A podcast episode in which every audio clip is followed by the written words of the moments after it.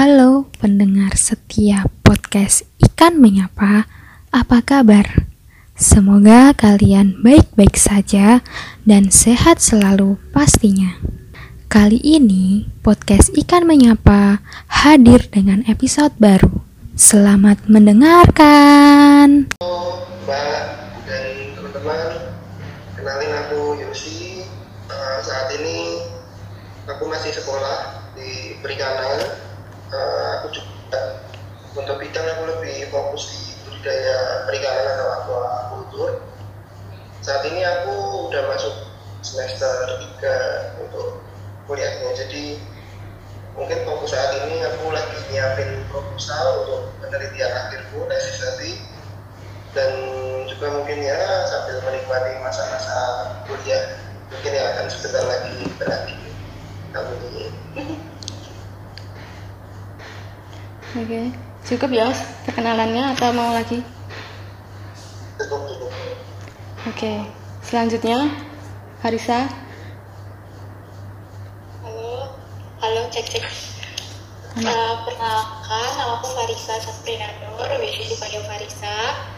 Aku juga sekarang masih sekolah di UGM sama kayak Yosi, anak fast track.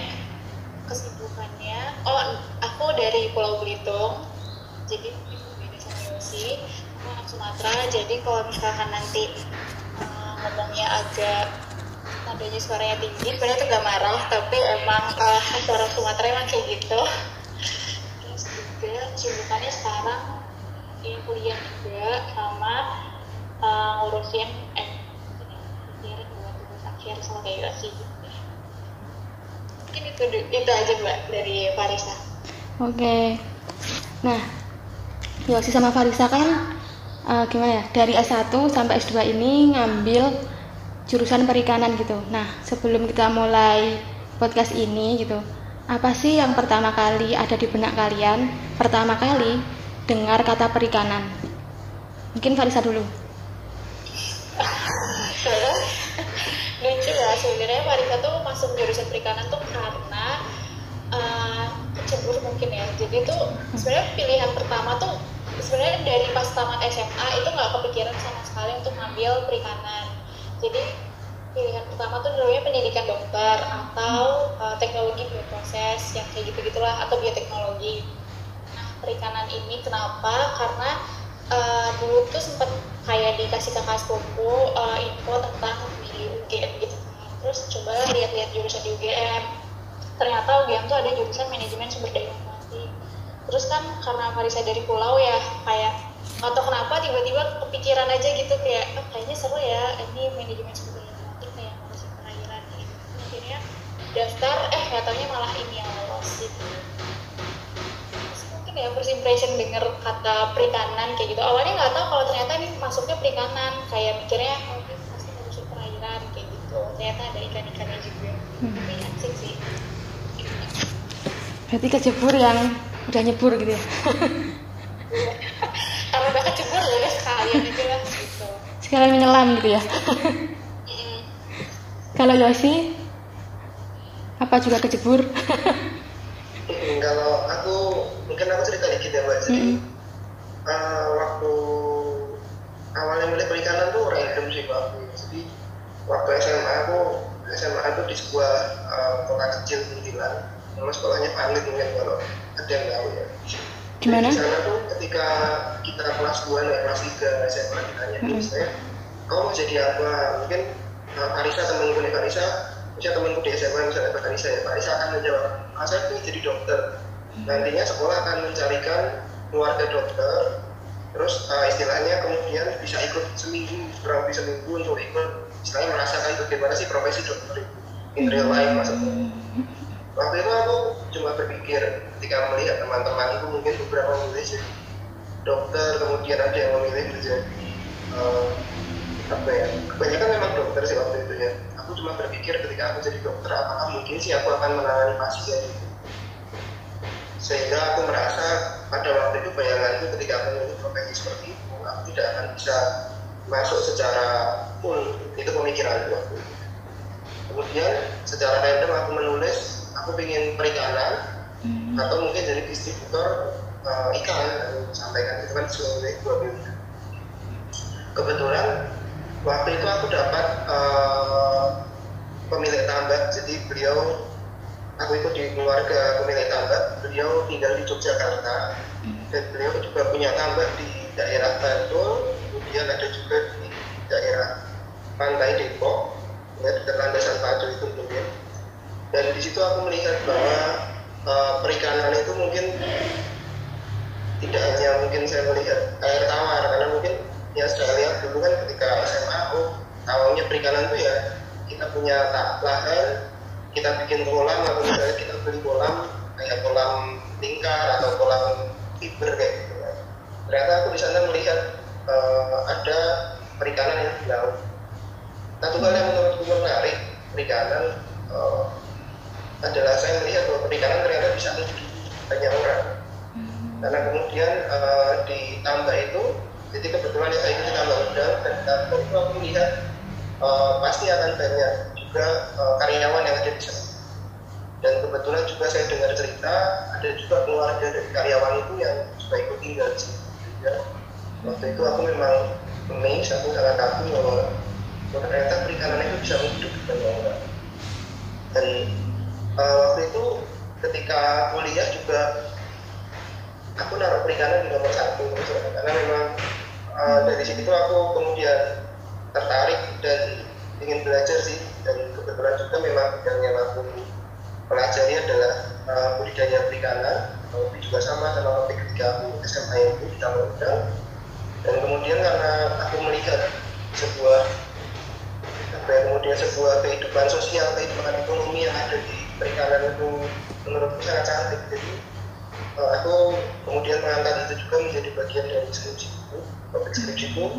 Uh, di mana juga mungkin walaupun aku orang budidaya tapi ada unsur sosial dan ekonomi yang ada di perikanan budidaya itu sendiri. Kalau dari aku mungkin gitu mbak Nisa. Tadi kurang dengar sekolah di mana ya? aku di SMA Panit uh, Muntilan itu mbak. Oh di Muntilan. Berarti milih perikanan itu karena memang random gitu ya, nggak ada sosok siapa, mungkin tetangga atau keluarga yang memang dari perikanan, maka kamu milih perikanan itu enggak ya? Uh, sebetulnya ketika aku kecil ya, jadi mungkin ketika aku TK TK kecil mau ke SD lah antara itu, bapaknya sempat sempat punya karamba Hmm. di daerah Sukoharjo. Tapi terus terang aku juga baru dengar cerita itu dari bapak ketika aku udah sekolah di perikanan ini, karena mungkin masih kecil kan, pikirnya dulu ya diajak ke ke karamba ya kita main aja kan. Hmm. Tapi mungkin kalau dari uh, keluarga justru juga nggak ada sih uh, istilahnya mungkin Background uh, perikanan gitu. perikanan uh, justru baru tahunya ketika udah masuk perikanan kita itu. Oke. Eh, untuk selanjutnya, karena kan kalian udah mengalami kuliah nih di perikanan selama kurang lebih empat tahun. Kalian nggak sampai lah. Kalian udah sebelum 4 tahun tuh udah lulus dari S1 perikanan. Nah, selama kalian kuliah di perikanan tuh apa sih suka dukanya menjadi eh, mahasiswa perikanan?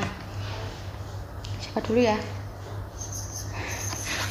Farisa berarti. gimana pak kurang jelas tadi soalnya Eh, suka dukanya menjadi anak perikanan. oh suka dukanya aku Ya, ya. aku cerita dukanya dulu aja kali ya. Dukanya ya, boleh. jadi hmm, jadi dukanya mungkin karena aku kan sebenarnya aku tuh bukan anak lapangan bukan anak outdoor. Jadi aku lebih suka kegiatan yang indoor dari SMA juga. Jadi aku lebih suka hal-hal yang dilakukan di luar ruangan lah. Kayak aku tuh sebenarnya nggak suka yang di luar ruangan. Kayak eh, atau kayak misalkan kalau di perikanan itu nanti mungkin akan eh, kalau di jurusanku itu banyak praktikum lapangan kayak ke pantai yang lain panas-panasan kayak gitu. Nah sebenarnya aku suka hal-hal yang kayak gitu cuman kalau misalkan aku tuh awalnya aku tuh sebenarnya anaknya tuh maksudnya gimana ya? Kayak bersihan banget gitu loh. Oh, jadi nah, ya? aku nggak suka kalau Hah? Oh, jadi. Eh, ya Hmm. mungkin ya. Kayak ada yang berantakan dikit atau ada yang eh, kotor dikit aku tuh pengen langsung yang bersih bersih gitu loh nggak tahu kenapa pengen yang bersih gitu. Nah di jurusan MSA di jurusan ku ini kan karena mungkin banyak eh, kegiatan lapangan jadi kan kayak otomatis kegiatan kotor-kotorannya kan lebih banyak ya. Nah awalnya tuh aku sempet risih kayak aduh kok kayak gini sih? Kayak gimana ya? Kayak "Ah, ini loh apa sih? Kayak gelian gitu loh kayak sempet aduh praktikum ini kayak gini aduh gimana ya? Sempet kayak gitu sih mungkin hanya kalau secara aku personal ya uh, selain itu juga uh, laporan praktikum ya ampun. Itu mungkin duka semua anak saintek kali ya jadi laporan praktikum itu aku pernah ngalamin yang nulis laporan uh, tanganku tuh sampai kayak kebal dan ngelupas ungu biru biru gitu loh sampai yang tebal banget. Kayak kita baru belajar main gitar kan uh, tangannya langsung jadi kebal gitu kan. Nah kayak gitu itu gara-gara nulis laporan praktikum terus apalagi ya nah mungkin uh, aku semester semester pertama tuh agak susah beradaptasi di jurusanku karena lagi banyak praktikum lapangannya tuh banyak kayak dan aku orangnya bersihan mungkin itu sih. Tapi setelah makin lama tuh makin kayak eh, aku suka loh kayak gitu. Maksudnya karena ini something yang baru buat aku. Karena kan aku dari dulu kan sukanya di dalam ruangan. Terus pas eh, di jurusan ini yang luar ruangan ini udah masuk ke cerita suka ya Eh, aku nemuin sesuatu yang baru terus aku kayak oh ternyata aku bisa ya kegiatan di luar eh, di luar lapangan kayak gitu. Terus juga aku kan eh, anaknya biang keringet mbak. Jadi eh, mungkin ini apa ya kayak jadi aku tuh eh, gimana cara mengatasinya karena aku anaknya biang keringet aku bawa bedak aku selalu bawa bedak bubuk yang bedak bayi itu loh setiap aku praktikum lapangan atau kegiatan di luar lah kayak gitu karena kalau nggak dipakai bedak kayak langsung gatel merah-merah kayak bayi gitu. Nah mungkin itu susah banget buat aku eh, makanya dari kecil sampai kayak aku SMA tuh nggak pernah ikut kegiatan di luar lapangan.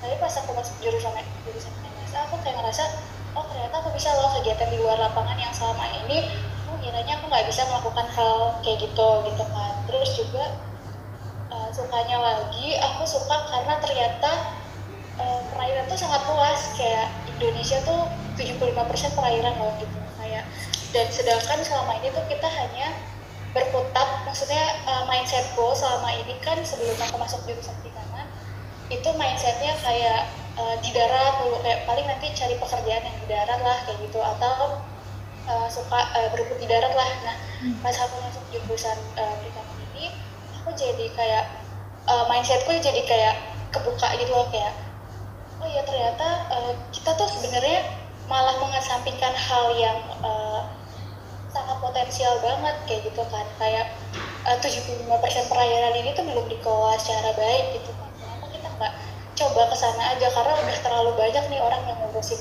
darat kayak gitu. Jadi aku kayak mungkin aku yang bikin aku sukanya di situ sih. Karena mempelajari hal-hal yang mungkin beda sama orang lain beda sama gitu deh kalau dari aku Berarti itu macam tantangan gitu ya, Far. Sesuatu yang kamu takutkan tapi kamu hadapi jadi berani gitu ya. iya iya kayak tantangan.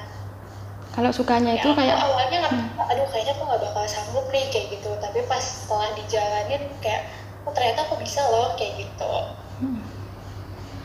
Kalau sukanya tadi jadi kayak belajar hal baru tapi memiliki potensi yang besar gitu kali ya. Masih ada sesuatu yang iya benar. Jadi kayak aku nemuin hal-hal yang mungkin kalau misalkan aku nggak masuk jurusan ini aku nggak akan tahu kayak gitu. Aku pemikiranku masih yang kayak sempit banget kayak cuma ngeliat dari kayak udahlah di darat aja kayak gitu. Oke, oke. Yosi, mungkin eh, kalau dari aku mungkin kalau bukannya mungkin juga sama kayak Marisa ada juga ketika ngalamin laprak ya. Laporan praktikum tuh waduh.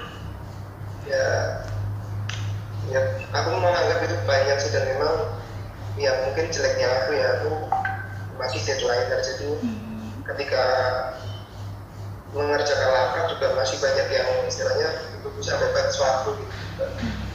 Tapi eh, dari duka ini juga waktu itu kerasa banget ketika kehidupan organisasi jadi eh, ketika aku ikut UKM aku ikut UKM Gamarpen waktu itu jadi eh, memang apa ya memang cukup menyita waktu aku di perkuliahan itu. Kayak contoh aku cerita nih ketika itu kan Gamarpen ini pernah ngadain proyek rekaman. Jadi waktu itu aku hari Jumat hari Jumat itu kelas jam 7 pagi. Terus uh, istirahatnya cuma istirahat Jumatan lanjut praktikum lagi. Terus uh, aku kelas itu kurang lebih sampai jam 5 sore. Jam 5 sore itu aku langsung ke studio uh, di daerah Bantul waktu itu sampai studio jam 6 dan ketika aku sampai studio itu sebetulnya juga udah mulai sesi rekaman jam 6 aku sampai studio karena kebetulan itu puasa aku ikut juga teman-teman makan buka puasa.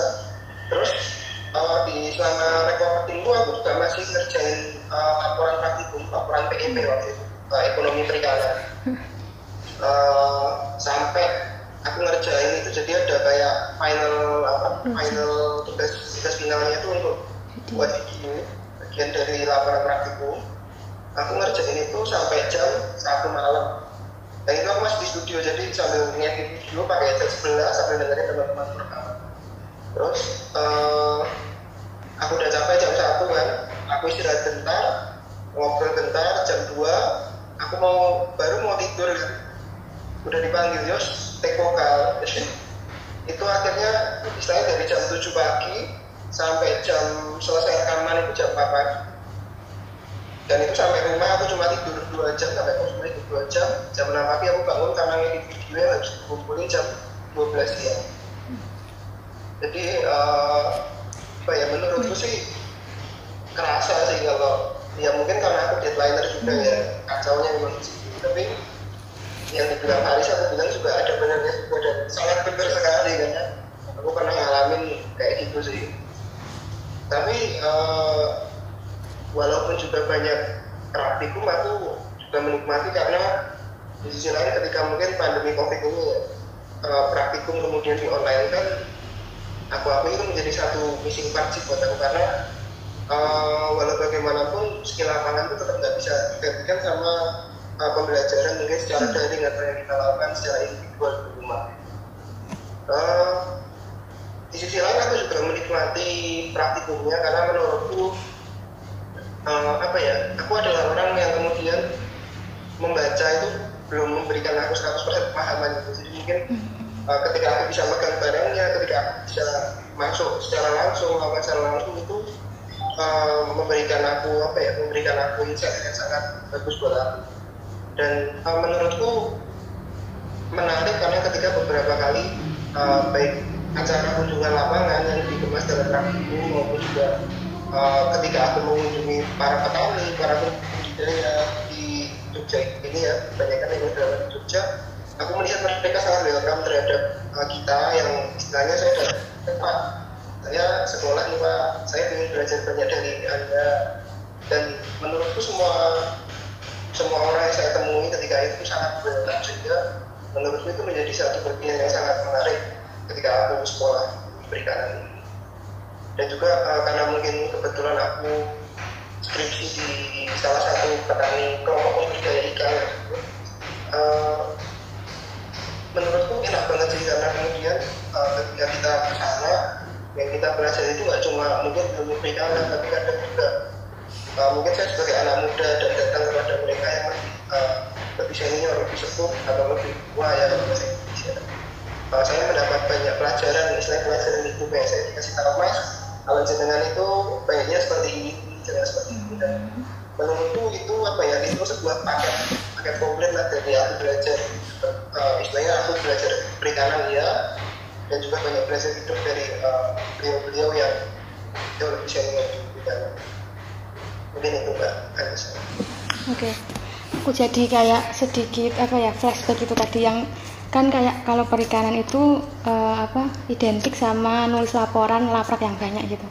Nah setelah kalian melewati masa-masa per, perlapak perlapak perlaprakan gitu aku kayak mau menanya tentang ini loh manajemen waktu kalian gitu. Apakah dengan mengerjakan laprak itu kalian dapat jadi membagi waktu dengan baik gitu maksudnya laprak memberikan pelajaran enggak gitu? Atau enggak gitu?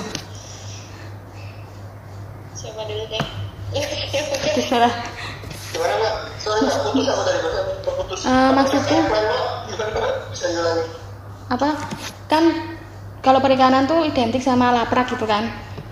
Nah tadi ngomongin tentang deadlineer gitu-gitulah.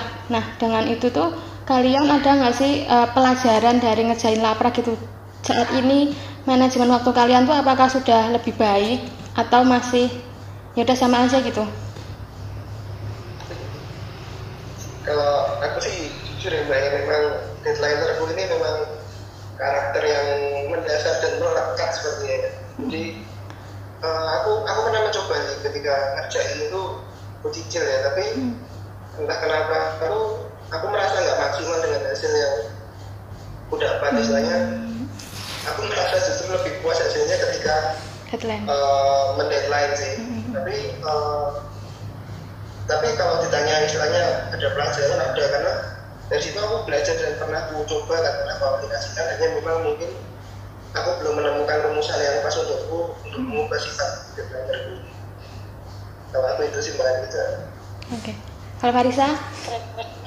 kalau Parisa tuh eh, sebenarnya kalau pengalaman laprak ya dapat pelajaran atau enggak eh, pastinya dapat. Karena kan mm, jadi tuh dulu Parisa pernah bikin kayak satu enggak dua praktikum apa ya? Nah itu dikerjain eh, satu waktu. Nah itu kan karena eh, waktu itu Farisa lomba di luar kota. Jadi kayak praktikumnya tuh dicepetin. Maksudnya ikut yang eh, kan Farisa jurusan MSA nih. Eh, misalnya Yosi BDP nah harusnya kan Farisa ikut yang jurusan MSA tapi karena pada saat itu eh, itu hari H lomba Farisa keluar kota. Jadi Farisa harus ikut yang eh, kelompoknya yang BDP nih. Nah itu kan berarti eh, praktik eh, apa nulis laporannya harus lebih cepet kan kayak gitu. Nah eh, jadi strateginya mungkin bener kayak yang Yosi kayak kalau jujur kalau misalkan untuk praktikum laporan praktikum itu Farisa deadlineer banget karena tapi kalau untuk punya tugas yang lain-lain itu sebisa mungkin dicicil. Kenapa? Kalau laprak itu deadline karena laprak itu kan banyak ya. Maksudnya kayak eh, pembahasannya tuh banyak banget yang harus dikerjain. Kalau misalkan dicicil tuh kayak nggak selesai-selesai. Maksudnya kayak mending aku ngerjain hal yang lain yang lebih eh, apa ya eh, presentasinya tuh lebih besar. Karena laprak itu kan cuma uh, satu SKS aku mik- belajar ekonomi kali ya. Jadi kayak aku hitung hitungan banget. Kayak misal uh, uh, praktikum tuh cuma satu SKS kayak paling laporan praktikum tuh cuma berapa persen lah kayak nggak sampai nggak nggak sampai 100 persen. Jadi kayak ya udah aku yang penting yang penting tuh dulu aku mindsetnya laprak tuh yang penting jadi aja. Kayak terserah bahasannya bener atau enggak eh, salah atau enggak yang penting laprak tuh jadi kayak gitu. Karena kan laprak itu kunci buat kita bisa praktikum kan. Kayak aku mikirnya dulu ya udah daripada inhal daripada aku harus bayar kan kalau inhal bayar ya. Mending aku uh, kerjain di laprak kayak gitu. Yang penting jadi penting selesai kayak gitu. Mungkin itu juga sih kenapa kayak nilai laporan praktikumku tuh nggak pernah tinggi di antara teman-temanku mungkin ya. Tapi uh, strategi aku maksimalinnya itu pasti praktikumnya. Karena aku mikir kayak nggak semuanya kan diambil dari nilai laporan praktikum kan. Kayak aku mikir ya udah nggak apa-apa laporan praktikum kecil yang penting uh, pas praktikumnya aku bisa maksimal. Berarti kan semacam skala, skala prioritas gitu ya?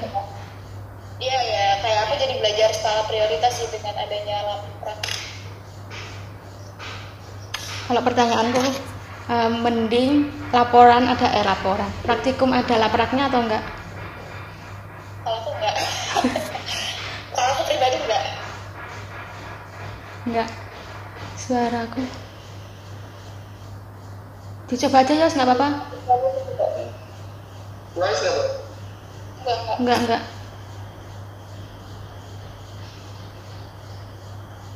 Masih jelas nggak suara? Jelas, jelas.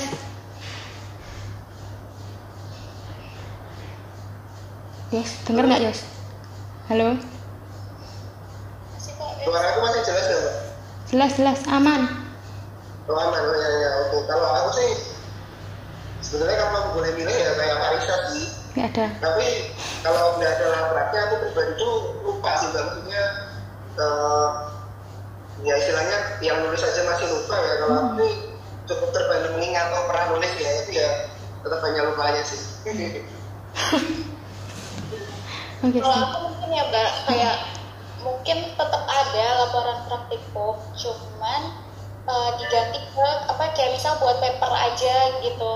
Maksudnya diganti ke paper kan kita juga bisa jadi belajar nulis uh, apa sih paper yang dua jurnal yang dibuat Hmm, jurnal kayak gitu hmm, kan. maksudku semua praktikum tuh di- dibuat kayak gitu aja kan biar sekalian kita juga bisa coba-coba submit ya kan Hmm. submit di beberapa jurnal kayak gitu daripada uh, nulis laporan yang kayak cuma di HPS terus dikumpulin habis itu udah kayak gitu kan Uh, aku ini sih paperless sih maksudnya Hmm.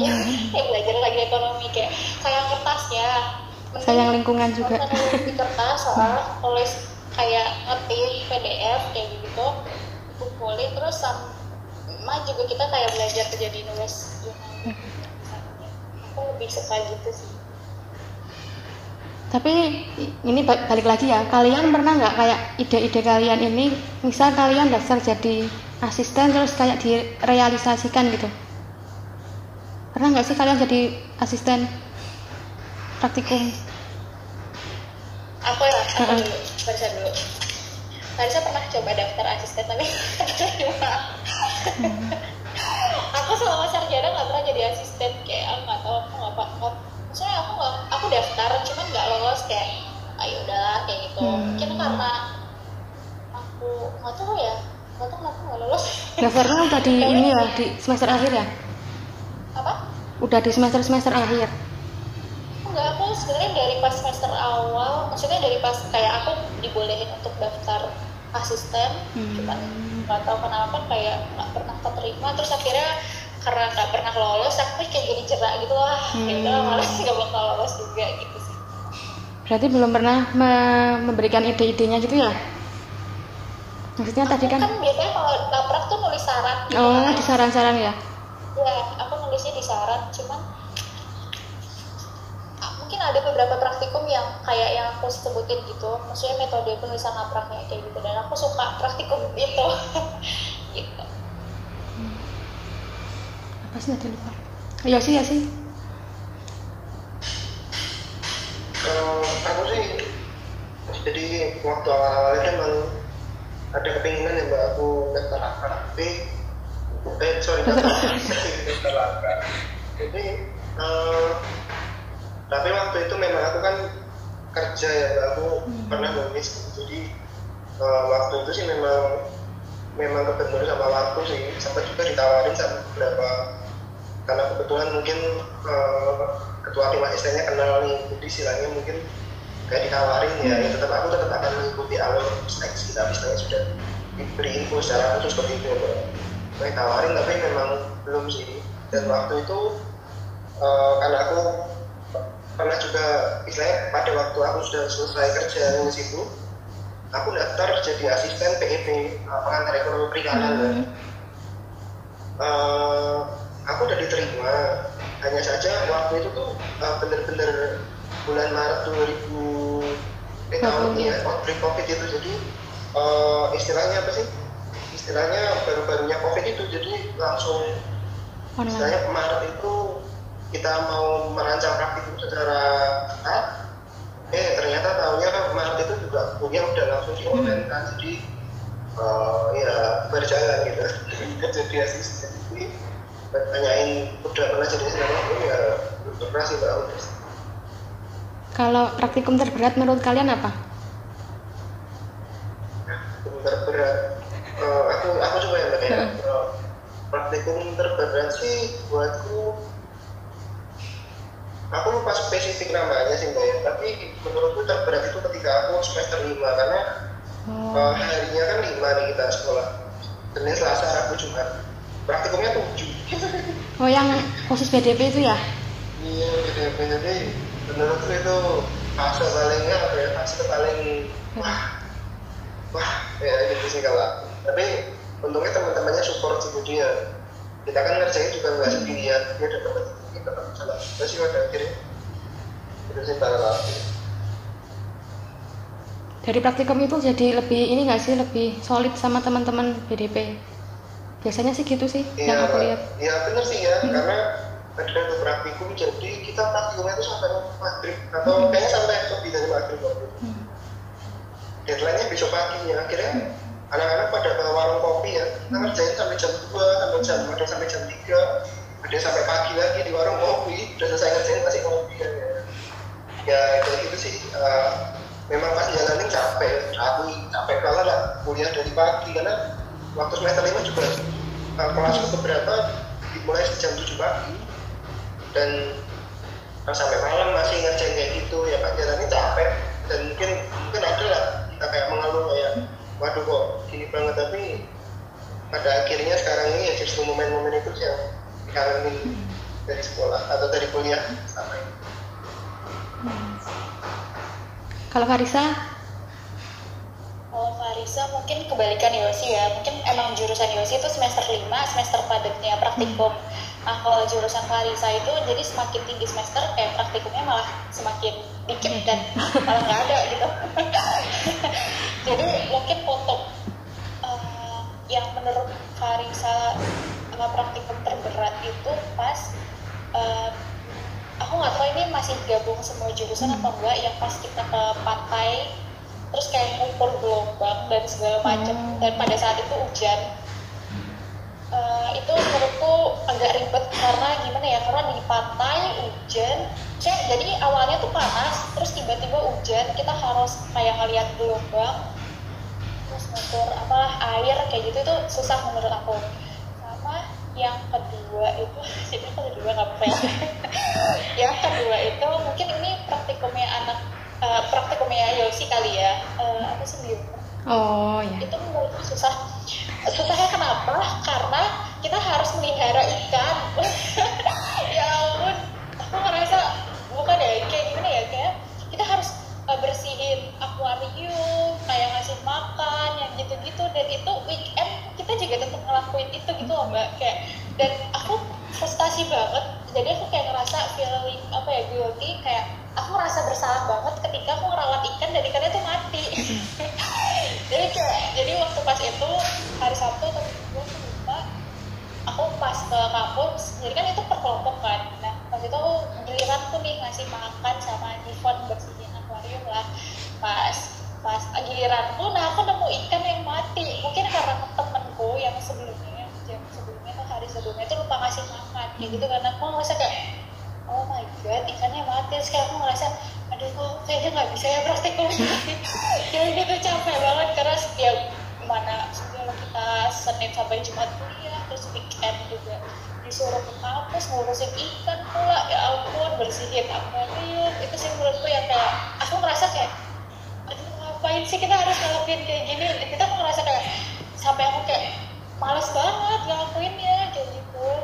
Cuman kayak ya tapi jadi cerita lucu sih jadi cerita seru. Karena kan weekend kita harus ke kampus otomatis sepi kan kampus. Mana juga kadang sore atau harus pagi banget dan lucu sih ketemu sama teman dari kelompok lain terus kayak saling karena kampus sepi kan biasalah cerita-cerita horor kayak klasik gitu kan selalu ada tuh kayak gitu. Jadi kayak lucunya di situ sih jadi kayak bareng-barengan kayak gitu. Apalagi di lantai tiga kan? Nah iya di lantai tiga itu pojokan di ujung kayak gitu. Jadi cerita lucu gitu cerita-cerita praktikum apalagi kalau kamu yang MSA kan ada yang racun ikan Tofar lebih nggak bisa dong. Iya iya. Sumpah. Kata kita yang harus ngebunuh ikan Mm-mm. bukan- bukan ngebunuh ya kayak menyakitkan ngeracun buat ada racunnya dikasih racun.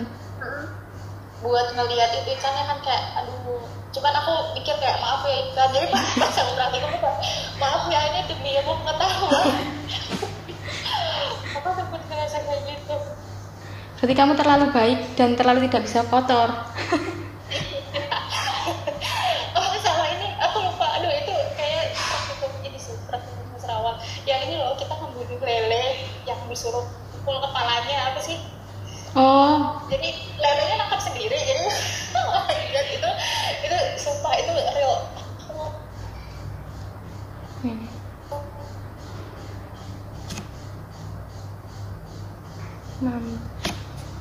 Kan dan kita nggak boleh ngancurin badannya kayak gitu itu susah sih kayak aku harus apa sih nusuk nusuk tengah kepala lele itu kan ada yang yang lemah gitu kan itu Mm-mm. harus ditusuk pakai pisau kayak gitu itu itu lumayan berat sih menurut aku praktikum apa ya awal-awal ya tapi mungkin ya sih udah biasa kali ya karena itu kayaknya kebanyakan anak-anak BDP sih Kan sekarang kalian ini menjadi mahasiswa S2 jalur fast track. Apa sih fast track itu? Bisa kalian jelasin?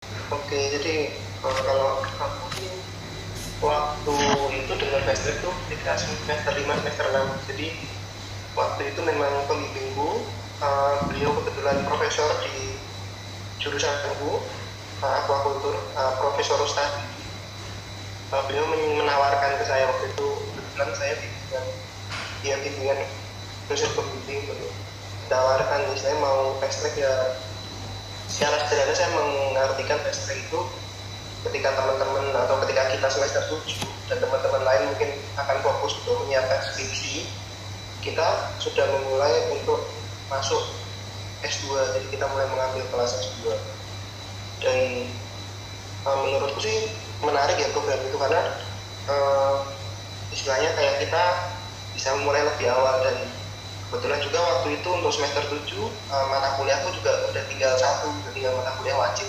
Jadi waktu itu aku berpikir ya udahlah kita coba aja dan karena mungkin dari beban mata kuliah tidak terlalu membebani waktu itu aku berpikir uh, dan juga dari fast track sih menurutku juga kurang lebih secara praktek kuliah sama karena uh, dari awal memulai fast track ada juga teman-teman yang dari jalur reguler jadi mungkin juga oh ini juga cukup baru buat aku ya istilahnya karena mungkin teman-teman S1 kan seumuran. Nah, istilahnya teman-teman dari SMA S1 itu ya paling umurnya beda setahun dua tahun lah. Tapi kan tetap kita sepantaran ketika fast track ini karena mungkin juga kita membawa dengan mahasiswa biasa uh, saya cukup biasakan diri sih waktu itu. Kayak saya mendapat teman kuliah yang jauh lebih senior dari segi usia ya. Saya melihat beliau sudah berkeluarga sudah memiliki anak dan nah, menurut saya itu menjadi sebuah hal baru untuk saya terutama dalam kami berkomunikasi lah. Karena saya berusaha memposisikan di satu sisi saya melihat uh, teman saya ini lebih senior tapi juga satu saya juga melihat bahwa uh, teman saya ini juga merangkul kami maksudnya uh, tetap menjadi bagian dari uh, selama proses kami sekolah ini.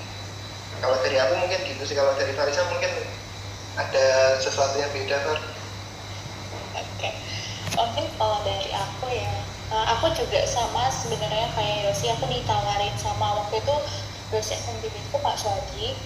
Jadi Pak Swadi itu nawarin Farisa tertarik fast track gak kayak gitu. Sebenarnya aku udah denger fast track tuh dari semester 4 atau 5 ya, ya kita tuh ada sosialisasi fast track kayak gitu kan. Nah pas sosialisasi tuh aku sebenarnya kayak gak nggak tertarik kayak ah males ah maksudnya masa di UGM lagi kayak gitu asalnya aku pengen aku pengen S2 deh cuman aku nggak langsung UGM lagi kayak jadi waktu pas sosialisasi tuh aku nggak terlalu notice kayak pengumuman yang gitu-gitu aku nggak terlalu notice. Nah pas di semester 7 ya bener uh, sama kayak semester 7 tuh kan lagi bimbingan bimbingan skripsi gitu kan. Semester 7 juga aku udah nggak ada kelas bunga jadi udah kayak tinggal ngambil skripsi uh, itu Pak Swadi hanya kayak ter, Parisa tertarik fast track gak kayak gitu. Terus aku kan karena sebelumnya aku pernah dengar sosialisasi tentang fast track gitu dan uh, mungkin yang mengubah pemikiran aku kenapa jadi aku tertarik karena kan pada saat itu maksudnya pada saat itu dan sekarang kan pandemi ya terus aku mikir kayak kalaupun aku lanjut keluar juga mungkin kayaknya akan online kayak gitu kan. Jadi aku mikir kayak eh udahlah ambil kesempatan yang ada di depan mata aja. Kayak ya udah akhirnya aku tertarik daftar fast dan ya udah ikut fast track dan alhamdulillahnya lolos kayak gitu. Uh, mungkin yang menurut aku baru juga kayak uh, aku sepakat sama Yosi kita sekelas sama uh, mahasiswa yang reguler yang otomatis uh, usianya jauh di atas kita kayak gitu kan. Itu aku mulai belajar kayak apa ya kayak jadi malu gitu loh kalau misalkan aku nggak semangat belajar karena uh, om dan tante mbak mbak di atas kita tuh uh, semangatnya tuh ah gila banget lah pokoknya kayak semangatnya tuh untuk belajar untuk uh, mempelajari hal yang baru tuh uh, tinggi. Dan aku ngerasa kok aku yang harusnya aku anak muda yang harusnya punya semangat lebih tinggi dari mereka kok aku malah jadi males-males kan gitu.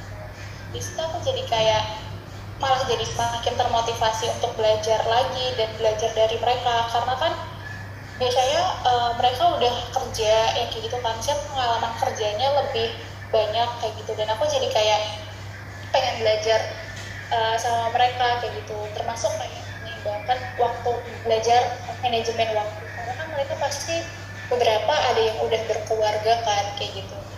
Tetap bisa kuliah uh, sambil harus keluarga. Nah aku situ sih.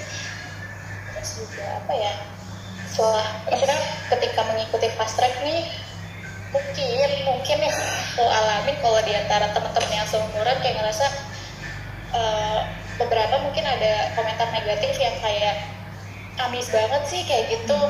Maksudnya uh, baru umur segini ya udahlah santai dulu keep calm tar gitu. Nggak usah tenang ya, aku awalnya kayak sempet capek sih karena kan waktu pas semester 7 kita uh, aku sambil penelitian skripsi sambil belajar S2 juga kan. Nah sempet kayak aduh bakal bisa nggak ya? Kayak gitu. Tapi pas liatin lagi mbak mas om tante tadi itu kayak mereka aja lo bisa par kayak gitu. Masa aku cuma yang kayak skripsi ini doang udah nggak bisa kayak gitu. Jadi semakin semangat lagi. Nah untuk teman-teman yang komentar negatif tuh aku yang kayak ya udahlah tuh aku juga yang menjalani hidupku bukan mereka juga. Maksudnya aku juga nggak dikasih makan sama mereka kayak ya udahlah ngapain terserah mereka kayak gitu mau komen. Berarti intinya tuh fast track tuh percepatan gitu ya. Kalau dulu di SMP, SD, SMA tuh kayak uh, apa namanya? akselerasi. Gitu. Kalau ini beratnya akselerasinya di mahasiswa atau di universitas gitu ya? Iya. Oh ya iya, ada mungkin kayak gitu. Hmm. Gimana ya iya juga menganggapnya uh, kayak gitu ya mbak ya. Dan uh, apa yang disampaikan Kak Isa menurutku ada benar juga sih. Maksudnya hmm.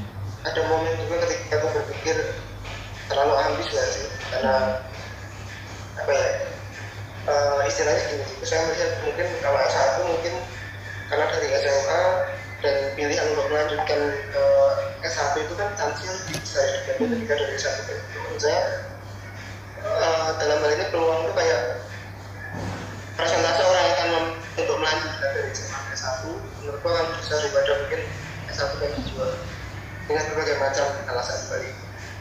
Dan karena itu juga tapi aku juga lebih senang karena menurutku sampai vibes di S2 ini lebih supportif untuk kita belajar. Maksudnya uh, entah kenapa aku memang selalu memposisikan bahwa aku ini orang yang apa ya ya aku memang masih tahu juga. Masih banyak lah hal yang perlu tak pelajari.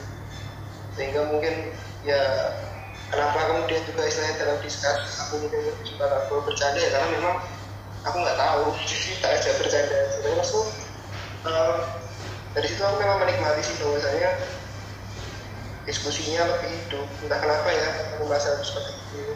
Dan juga ketika diskusi karena ada perspektif lain. Mungkin kalau dari teman-teman SMA kan karena kita bareng di sekolahnya jadi mungkin yang akan dibahas oh saya dari buku ini oh saya dari uh, jurnal ini atau mungkin uh, beberapa kan bilang oh kalau orang tua saya uh, menjalankan seperti ini dan dari perspektif S2 teman-teman S2 itu mungkin beberapa udah kerja jadi lupa. Tapi kalau menurut SOP di tempat saya kerja begitu uh, kalau kebijakan dari kepala dinas saya hal seperti itu menurutku yang menarik dan dan apa ya dan membuat diskusi itu lebih lebih lebih kompleks lebih bisa dinikmati itu seperti itu.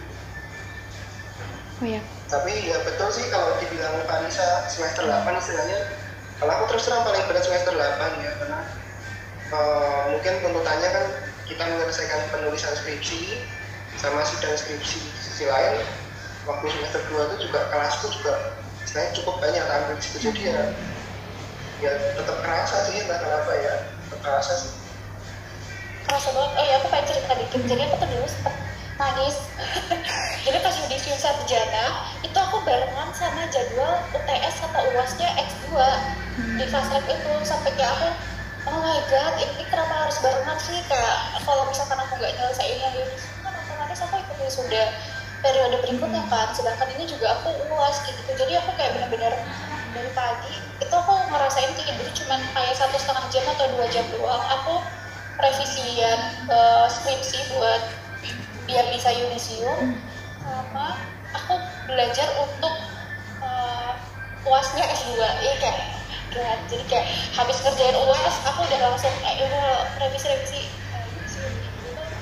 itu mungkin momen yang sampai kayak aku ngerasa aduh kayaknya aku nggak kuat nih. Aku sampai saking aku udah nggak kuatnya tuh aku nangis kayak aku sampai bingung aku harus ngerjain yang mana dulu. Ini momen yang berat pas aku ngerasain waktu pas jadi sarjana misalnya hmm. waktu pas uh, nyelesain sarjana sama belajar fast track. Nah aku jadi tertarik nanya ini loh. Kan kalian ini sama-sama ditawarin sama DPS gitu ya? Nah pas kalian ditawarin itu kalian mengiyakan gitu kan? Berarti pas kalian S1 kalian itu udah ada rencana mau S2 gitu? Atau karena ditawarin makanya ya udah saya S2 kayak gitu? Atau udah direncanakan gitu? Kalau dari aku ya Mbak mm -hmm. jadi um, waktu itu memang aku gak punya pikiran S2 ya. Jadi kalau kita tarik ke belakang juga terus terang ketika SMA aku gak kepikiran mau S1 terus uh, aku memang waktu yang menurutku menarik. Uh, istilahnya timeline yang istilahnya hal yang aku pegang ya waktu itu. Kalaupun memang aku nantinya tidak melanjutkan track ini nggak apa-apa. Karena buatku yang penting saat itu aku ingin tahu sih ketika aku S1 tuntutan berpikirnya kan seperti aku kemudian penasaran ketika aku S2 sebenarnya tuntutan berpikir seperti apa sih yang dibutuhkan? Sebenarnya waktu itu yang aku apa yang aku cari waktu itu seperti itu. Dan memang aku terus terang juga nggak expect untuk melanjutkan. Hmm. hanya saja memang uh, waktu itu aku bilang sama ibuku dan karena ibuku sudah bicara ya menurutku ya udah ibu sama ya kalau untuk ibu. Menurutku sih uh, omongan beliau selalu tak pegang jadi ketika beliau menyampaikan kamu lanjut sekolahnya ya udah ikutin yang beliau sampaikan kalau aku gitu sih mbak Oke Fat, bentar aku uh, tanggapi Yosi dulu ya. Berarti itu kayak ibaratnya Yosi itu ada kayak kesempatan di depan mata gitu. Walaupun kamu belum ada rencana, tapi kamu jalanin gitu ya kayak ibaratnya coba dulu lah, siapa tahu kayak gitu kan. Iya, iya betul betul. Terus di pas kamu jalani itu ternyata ada support system dari ibu kayak gitu, jadi kayak lebih mendukung lagi gitu kali ya. Iya, iya betul sih mbak. Uh ya betul kayak gitu sih mbak karena memang apa ya ya walau bagaimanapun menurutku semangat itu datangnya tuh penting sih maksudnya kita mungkin punya motivasi ya hmm. seharusnya kita kenapa tapi sama kalau buatku ya ketika orang terdekatku akan uh, bilang kamu gini dan menurutku itu ada baiknya ya itu jadi motivasi yang sangat besar gitu. Kalau Farisa? sepakat aku sepakat sama ya sih kayak support sistem orang tua hmm. tuh penting banget kayak keren banget tapi mungkin bedanya kalau Yosi kan sebelumnya nggak ada rencana untuk lanjut nah hmm. kalau Farisa tuh udah ada hmm. jadi sama kayak setelah tamat SMA aku tuh apakah aku harus kuliah kayak gitu kayak jurusannya aku harus kuliah nah kayak gitu. Karena aku emang suka suka belajar dan aku suka sekolah kayak gitu. Terus pas ini S2 tuh sebenarnya aku dari semester 4 atau 5 aku tuh pengen lanjutnya tuh ke Australia mbak. Ya nggak tahu kenapa aku kayak pengen banget lanjut ke sana kayak gitu kan. Australia atau Jepang lah. Cuman mungkin ya yang namanya orang tua ayahku tuh kayak kan aku perempuan. Ya, maksudnya kayak ya, maksudnya kalau perempuan tuh kalau mau keluar mending nanti aja setelah menikah jadi ada yang jagain. Maksudnya ayahku masih pemikirannya masih mungkin juga karena aku anak perempuan ya. Uh, uh, karena ayahku udah bilang kayak gitu pas awal cuman kan emang akunya tuh orangnya nekat kayak eh pokoknya aku pengen keluar kayak gitu kan. Nah ternyata maksudnya rencana Allah tuh emang emang emang pas pada saat uh, di semester akhir tuh ada corona kayak gitu kan. Jadi yang kayak kalaupun aku keluar juga kalaupun aku keterima di sini ya itu kan aku tetap nggak bisa berangkat kan. Maksudnya tetap ambil yang ada di depan mata ini aja kayak gitu. Jadi aku sempet kayak pas dosenku eh pas Pak Swadi nanya tertarik fast track itu aku nggak langsung jawab pada hari itu juga. Hmm. kayak aku sempat mikir hmm. Butuh tiga hari atau empat hari kayak gitu. Maksudnya kayak aku tanya dulu ke Pak Swadi Pak emangnya ini programnya kayak gimana? Kayak gitu kan maksudnya uh, gimana gimana? Kayak aku tanya kayak gitu lah nah terus kayak dikasih apa sih kayak uh, buku panduan. Uh, saya bukan buku panduan sih kayak secara garis besar lah sama Pak Swadi gitu. Terus aku bilang juga sama ayahku kayak ya ini ada fast track uh, daftar nggak? Kayak gitu kan. Terus sama ayahku ya udah dicoba aja kayak gitu kan. Kalau bisa ya dijalanin. Kalau enggak juga nggak apa-apa. Ternyata lolos. Ya ya udah. Aku akhirnya menjalani fast track kayak gitu. Jadi kalaupun nanti mau sekolah lagi maksudnya kalau mau S2 lagi juga kan nggak masalah kan? S3 tuh Kalau- maksudnya kalau ambil S2 tapi jurusan lain juga nggak masalah Oh. atau uh, atau tetap uh, lanjutin S3 ini juga nggak apa-apa karena aku sebenarnya bukan mencari gelar ya mbak. Aku tuh mencari ilmunya. Mungkin sama kayak Yosi aku suka uh, membentuk pola maksudnya aku suka gimana aku menyikapi suatu hal maksudnya dari perspektif atau dari sudut pandang uh, nggak cuma dari satu aja. Jadi kayak karena kan kalau kita sekolah kita jadi membentuk pola pikir kan. Kayak mungkin dari cara menyikapi suatu hal atau dari cara kita berbicara cara bersikap kayak gitu kan aku suka situ sih kayak gitu. jadi kayak sebenarnya aku sekolah tuh bukan "Sam, kok kamu S2, S3 yang kayak gitu-gitu gitu kan sebenarnya aku nggak mencari gelar kayak gitu aku suka ilmunya aja kalau makanya aku bilang kalaupun nanti aku sekolah lagi S2 tapi jurusan yang berbeda apa gitu Oke. Eh, apa sih selanjutnya? Ini eh, untuk fast track sendiri itu apa sih persiapan-persiapan yang dilakukan atau kayak syarat-syarat fast track kayak gitu?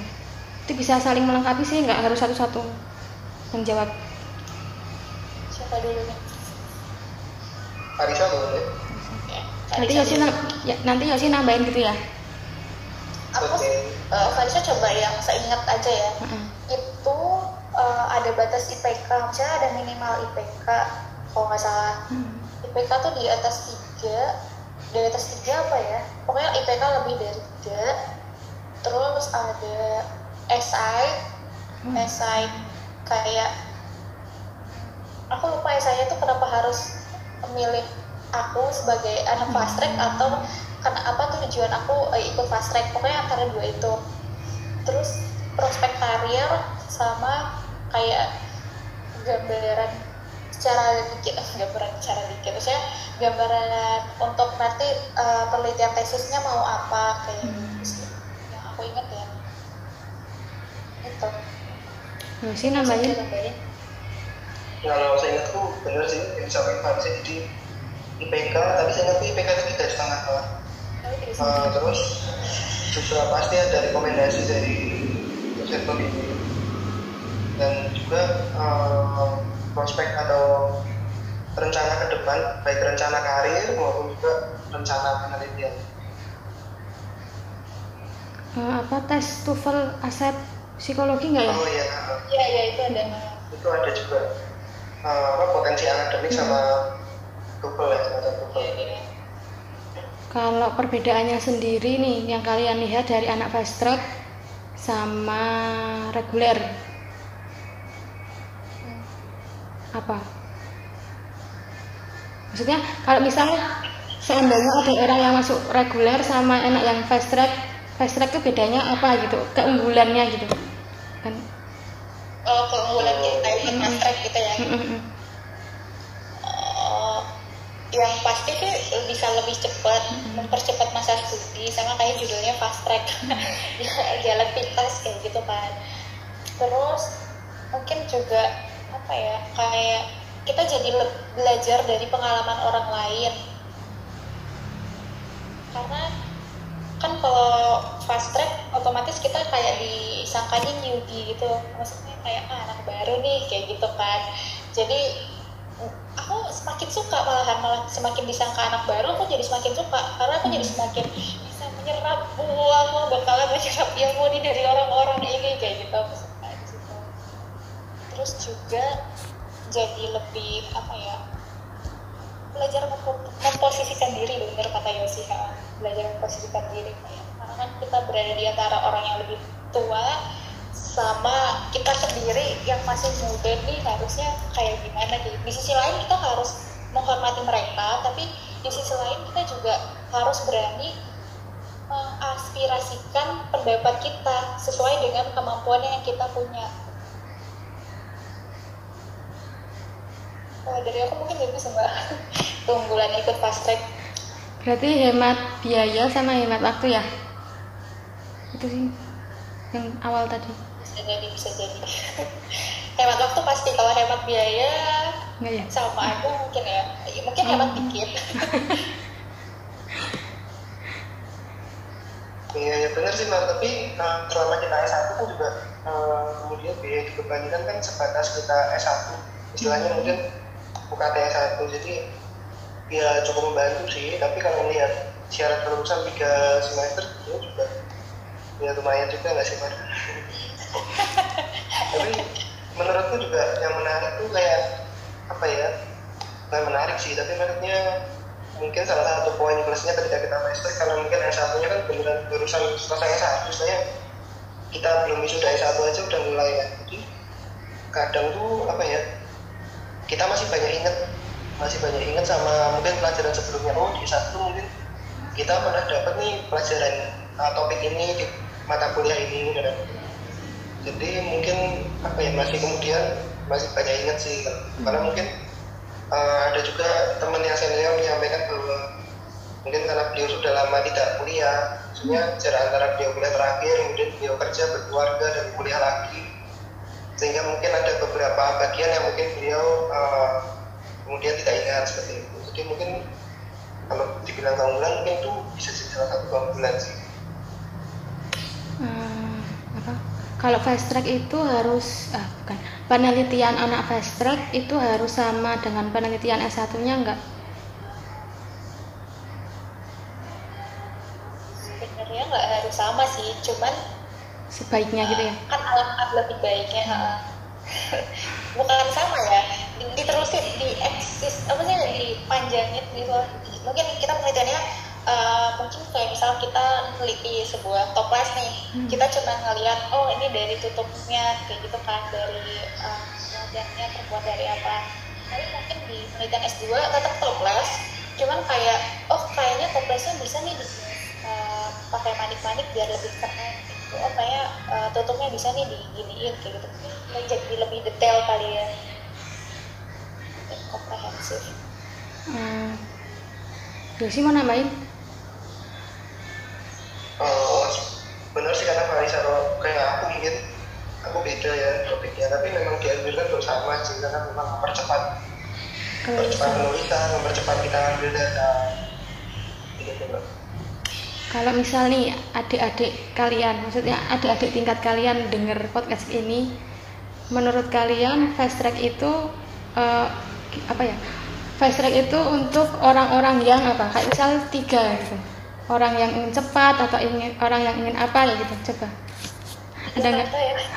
Awalnya tiga kata untuk orang pasien Nah, yang misal orang yang pengen fast track gitu harus orang yang gimana gitu menurut kalian susah ya. Harus siapa yang coba dulu. Aku nih, kalau menurutku tiga nggak bisa tiga kata sih mbak. Ini empat kata tapi tiga Ya nggak aku menurutku muda udah dua nekat tiga suka tantangan. Karena gini kenapa muda? Karena muda di sini menurutku bukan usia tapi kemudian eh, aku melihat kan ketika kita muda itu kan apa ya ya kita beranilah mencoba banyak hal.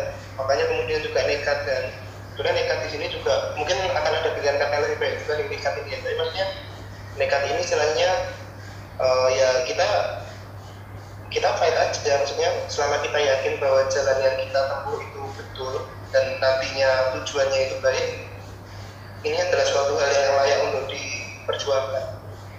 Dan yang terakhir suka tantangan karena memang ya kayak Farisa cerita tadi mungkin aku cerita ya ketika teman-teman yang lain tuntutannya mungkin kelasnya udah habis? Atau mungkin kelasnya tinggal satu kelas. Mungkin teman-teman yang lain tuntutannya tinggal mengerjakan skripsi. Sementara kita mengambil mata kuliah jadi eh, aku rasa tiga tadi itu bisa mewakili sih ketika teman-teman mau ngambil fast Farisa kalau Marisa. Tiga sifat ya. Bertanggung jawab terus berani. Mungkin kalau Yosi nekat aku berani. Sama eh, ini outliers. Ya sih? Tahu outliers nggak? Maksudnya orang-orang yang dia beda di antara yang lain. Maksudnya dia yang enggak mindsetnya tuh nggak sama. Maksudnya mungkin di saat uh, yang seusianya ah, yaudah S1 kerja. Yaudah aku S, uh, penulis skripsi udah capek banget udah berat banget. Ah, yaudah segini aja kayak gitu nah ngerasa anak pastrek tuh aku ngeliat teman-temanku sesama pastrek ya mereka nih mungkin yang memang dari kuliah S1 nya tuh memang anak-anak yang outliers maksudnya anak-anak yang di luar kebiasaan orang rata-rata kayak gitu. Mungkin yang kita biasa tidur 8 jam mereka mungkin tidur cuma 4 jam kayak gitu. Atau selalu mungkin tidur 2 jam. Mereka uh, anak-anak kita yang biasanya out uh, setiap weekend mungkin mereka uh, ikut organisasi atau ikut apa kayak gitu. Karena menurut aku sifat-sifatnya. Oke. Okay. ini bener di luar ini sih. Apa ya? Mimpi kalian setelah bukan setelah fast setelah lulus S2 ini apakah sudah ada gambaran atau ya udah deh nanti ada yang ada di depan mata aku akan jalani kayak gitu? Udah ada mimpi setelah S2 ini kalau mimpi pasti ada, ya. Maksudnya kalau Farisa sendiri kan emang suka ngeplan hmm. planning maksudnya kayak ya terserah nanti mau jadi apa enggak. Yang penting aku udah ada plan lah kayak gitu. Mau S2 mungkin aku udah punya beberapa plan mau ngapain aja gitu. Cuman mungkin belum bisa aku sebutkan di sini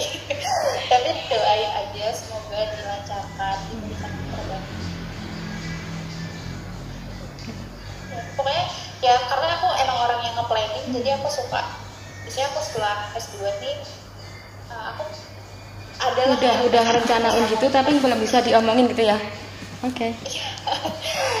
didoain aja lah yeah. gitu udah aku tulis sih cuman ya semoga kayak gitu yeah. Yosi kalau aku sendiri ya Mbak ya uh, mungkin aku tidak se sepandai Farisa dalam merancang masa depan. Mungkin karena aku cewek lah iya iya beda ya. Ya tapi gitu kadang kayak gitu. Seenggaknya nggak direncanain tapi udah punya bayangan gitu bu. Yes.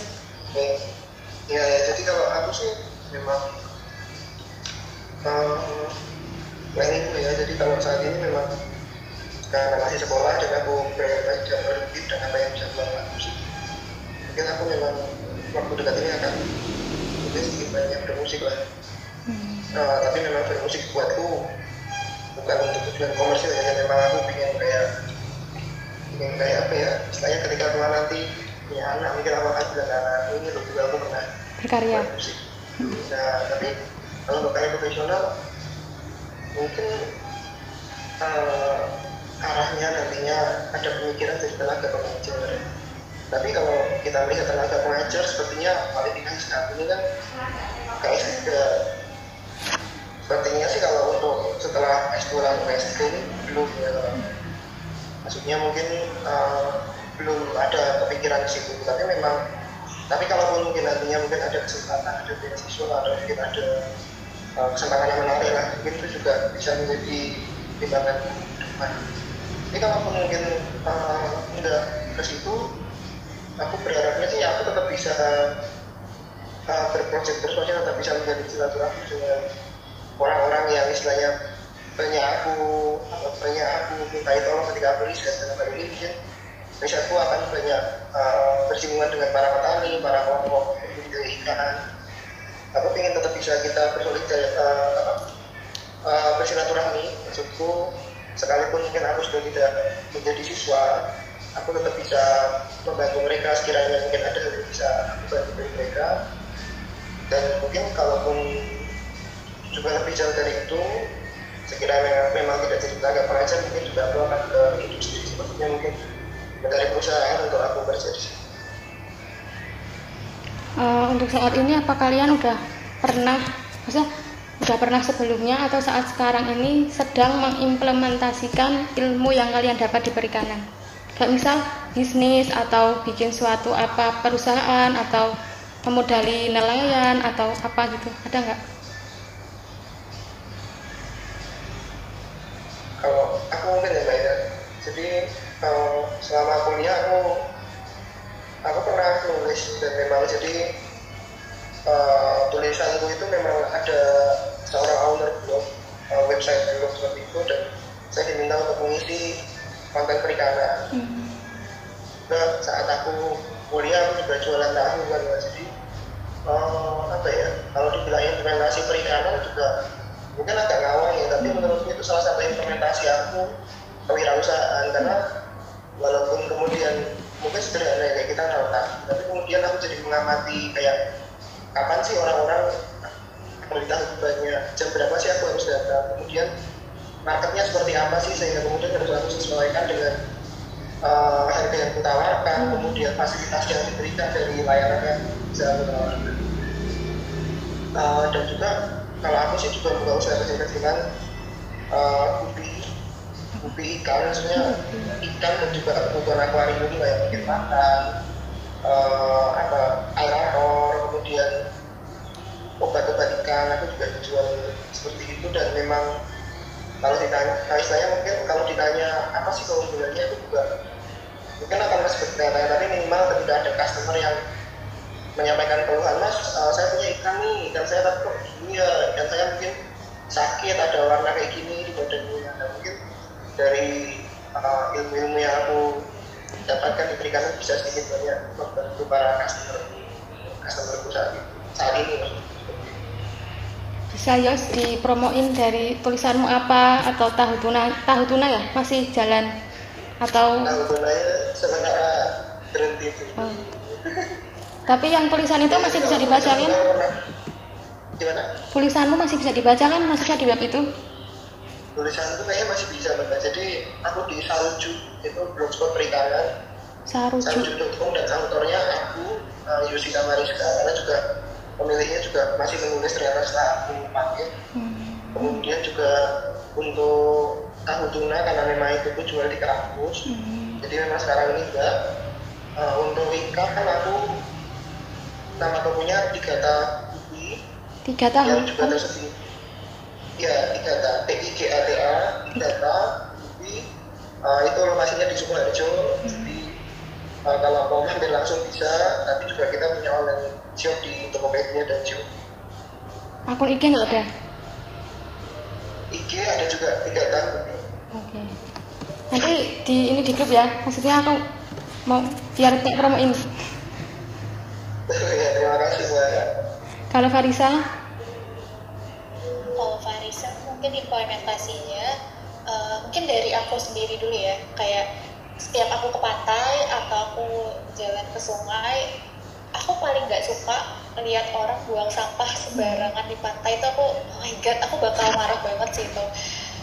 Uh, misal aku jalan sama keluarga aku atau sama teman-temanku aku selalu uh, nyiapin misal itu ke pantai saya yang ke pantai atau sungai atau danau aku selalu bawa kantong plastik uh, kosong itu buat sampah mereka. Dan aku bakal marah banget kalau misalkan mereka buang sampah sembarangan di eh, tempat-tempat uh, yang kayak gitu itu aku bakal banget terus yang kedua juga aku pernah ikut uh, jadi aku ikut komunitas juga namanya SP2 Mania nah uh, di situ uh, tahap akhir dari SP2KM itu kita harus bikin project di mana kita harus jadi ketua projectnya.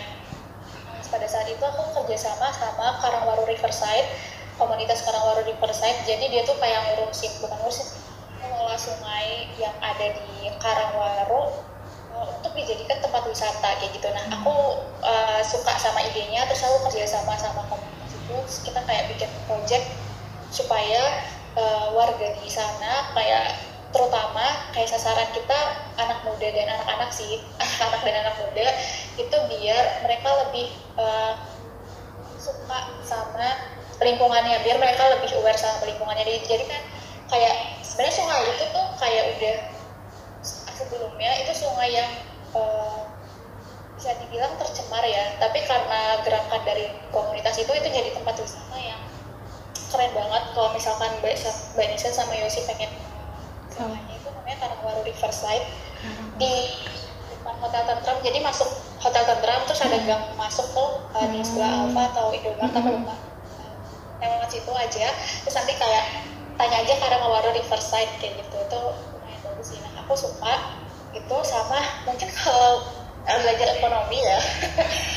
Aku implementasinya lebih ke kehidupan aku sehari-hari sih kayak kadang kan kita belajar opportunity cost sama apa supply and pokoknya jadi kayak aku sebenarnya bukan money oriented atau terlalu perhitungan kayak jadi lebih organize aja kayak aku jadi lebih bisa memilah yang kira-kira nggak uh, terlalu bermanfaat buat aku mending nggak usah kayak gitu. Yang nggak apa-apa lah sekali-sekali kayak mungkin sebulan sekali aja sebulan dua kali. Cuman kalau keterusan kan malah jadi rugi ya kayak gitu.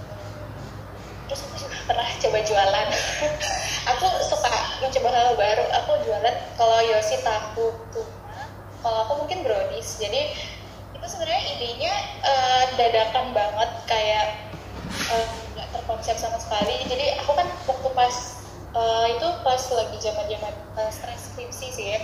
Aku stres bukan stres ya kayak apa uh, pusing lah gitu mikirin skripsi. Nah setiap aku pusing stres itu aku makan coklat atau aku uh, beli brownies kayak gitu. Kan terus aku mikir kayak kenapa aku nggak coba bikin aja ya? Kayak gitu. Terus aku bikin enak uh, kata orang-orang terdekatku terus aku kayak coba jual tuh si browniesnya Uh, terus akhirnya aku jual dan uh, alhamdulillahnya laku kayak gitu kan aku jualan brownies tuh sempat kayak sampai tiga bulan lah kayak gitu. Cuman mungkin karena aku orangnya mudah bosen dan pada saat ini juga lagi hektik uh, fast track juga.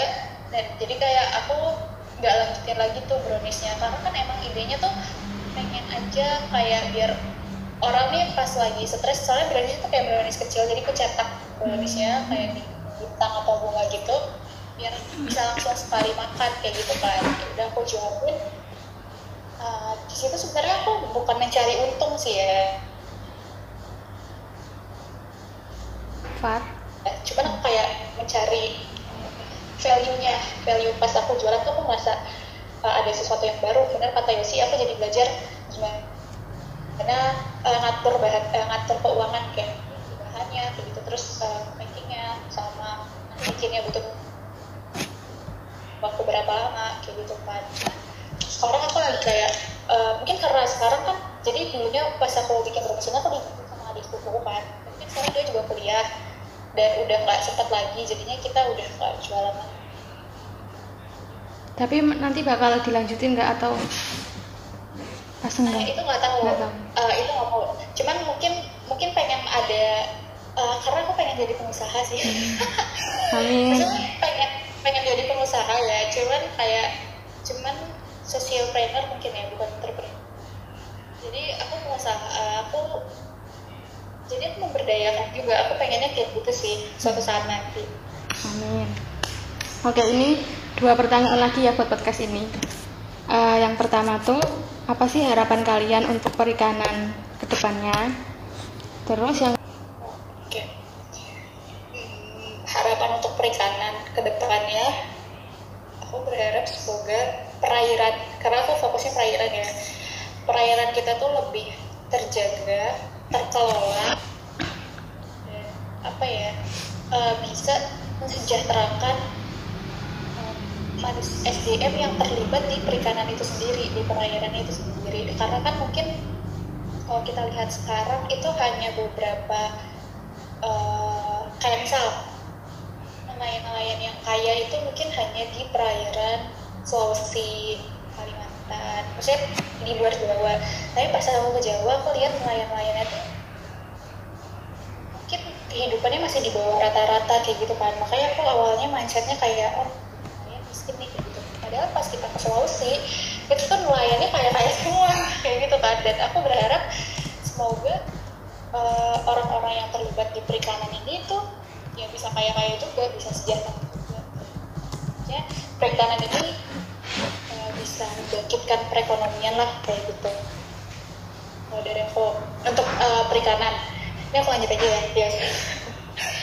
harapannya terus kalau misalnya Iya ya kalau juga terus kan harapan untuk perikanan kalau untuk prihatin uh, keprihatinan itu memang apa ya karena mungkin apa dalam hal ini mungkin betul sih yang disampaikan Pak Rusa kesenjangan itu cukup terlihat. Dan istilahnya kita sebagai orang perikanan yang kemudian mungkin kita tahu ya, terkait potensinya kemudian kita juga cukup miris ketika melihat fakta di lapangan bahwa uh, kesejahteraan itu menjadi faktor yang akan mungkin sulit untuk beberapa pelaku perikanan yang terlibat sulit untuk digapai uh, sehingga memang kita berharap memang akan ada mungkin suatu cara, suatu metode atau mungkin juga suatu kebijakan yang bisa memberikan kesejahteraan itu menjadi lebih merata, menjadi lebih baik untuk dapat diterima uh, para pelaku usaha perikanan yang terlibat di dalam. Tapi juga di sisi lain saya melihat bahwa uh, isu lingkungan uh, tidak hanya lingkungan tapi juga mungkin isu keberlanjutan ini menjadi suatu hal yang cukup krusial di perikanan.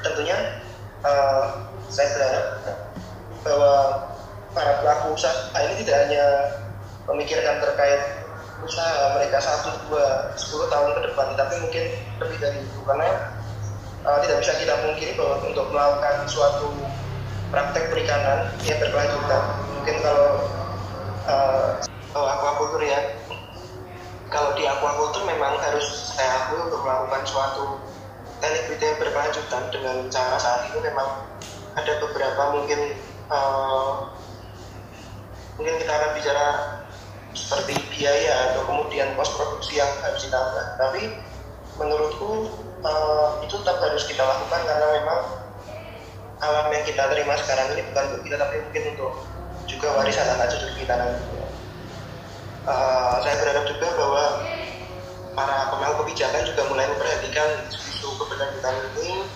sehingga mungkin bisa diberikan juga penghargaan untuk teman-teman pelaku usaha perikanan sudah menerapkannya dengan baik secara tertib di perikanan. Uh, kalau mungkin harapan untuk podcast ini? Ini terkait dari semua yang kita omongin ya mbak? Ya boleh. Kalau aku uh, tetap jadi orang yang selalu penasaran akan hal-hal yang baru sama boleh belajar nggak apa-apa? Nggak apa. Iya. aku dulu aja mau di sini Oh, udah selesai.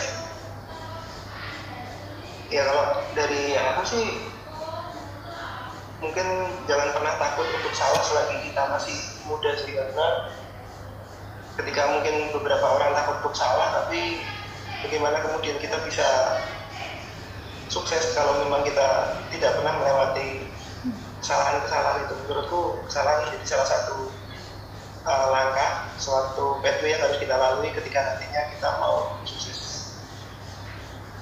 klasik ya mbak tapi menurutku ini relate sih karena benar sih. juga masih melihat ada orang-orang yang apa ya ada orang-orang yang akan masih takut melangkah karena Hmm. takut salah dan harapannya sih teman-teman sih mungkin bisa belajar dari itu sih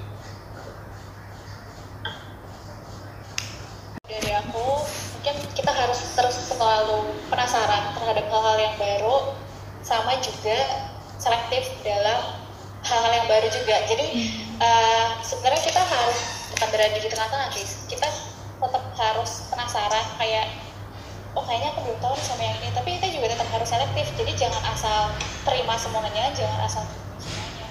Nah, karena kan yang tahu kemampuan kita kan cuma kita sendiri bukan orang lain kayak gitu Terima kasih sudah mendengarkan. Sampai bertemu di episode selanjutnya. Bye bye.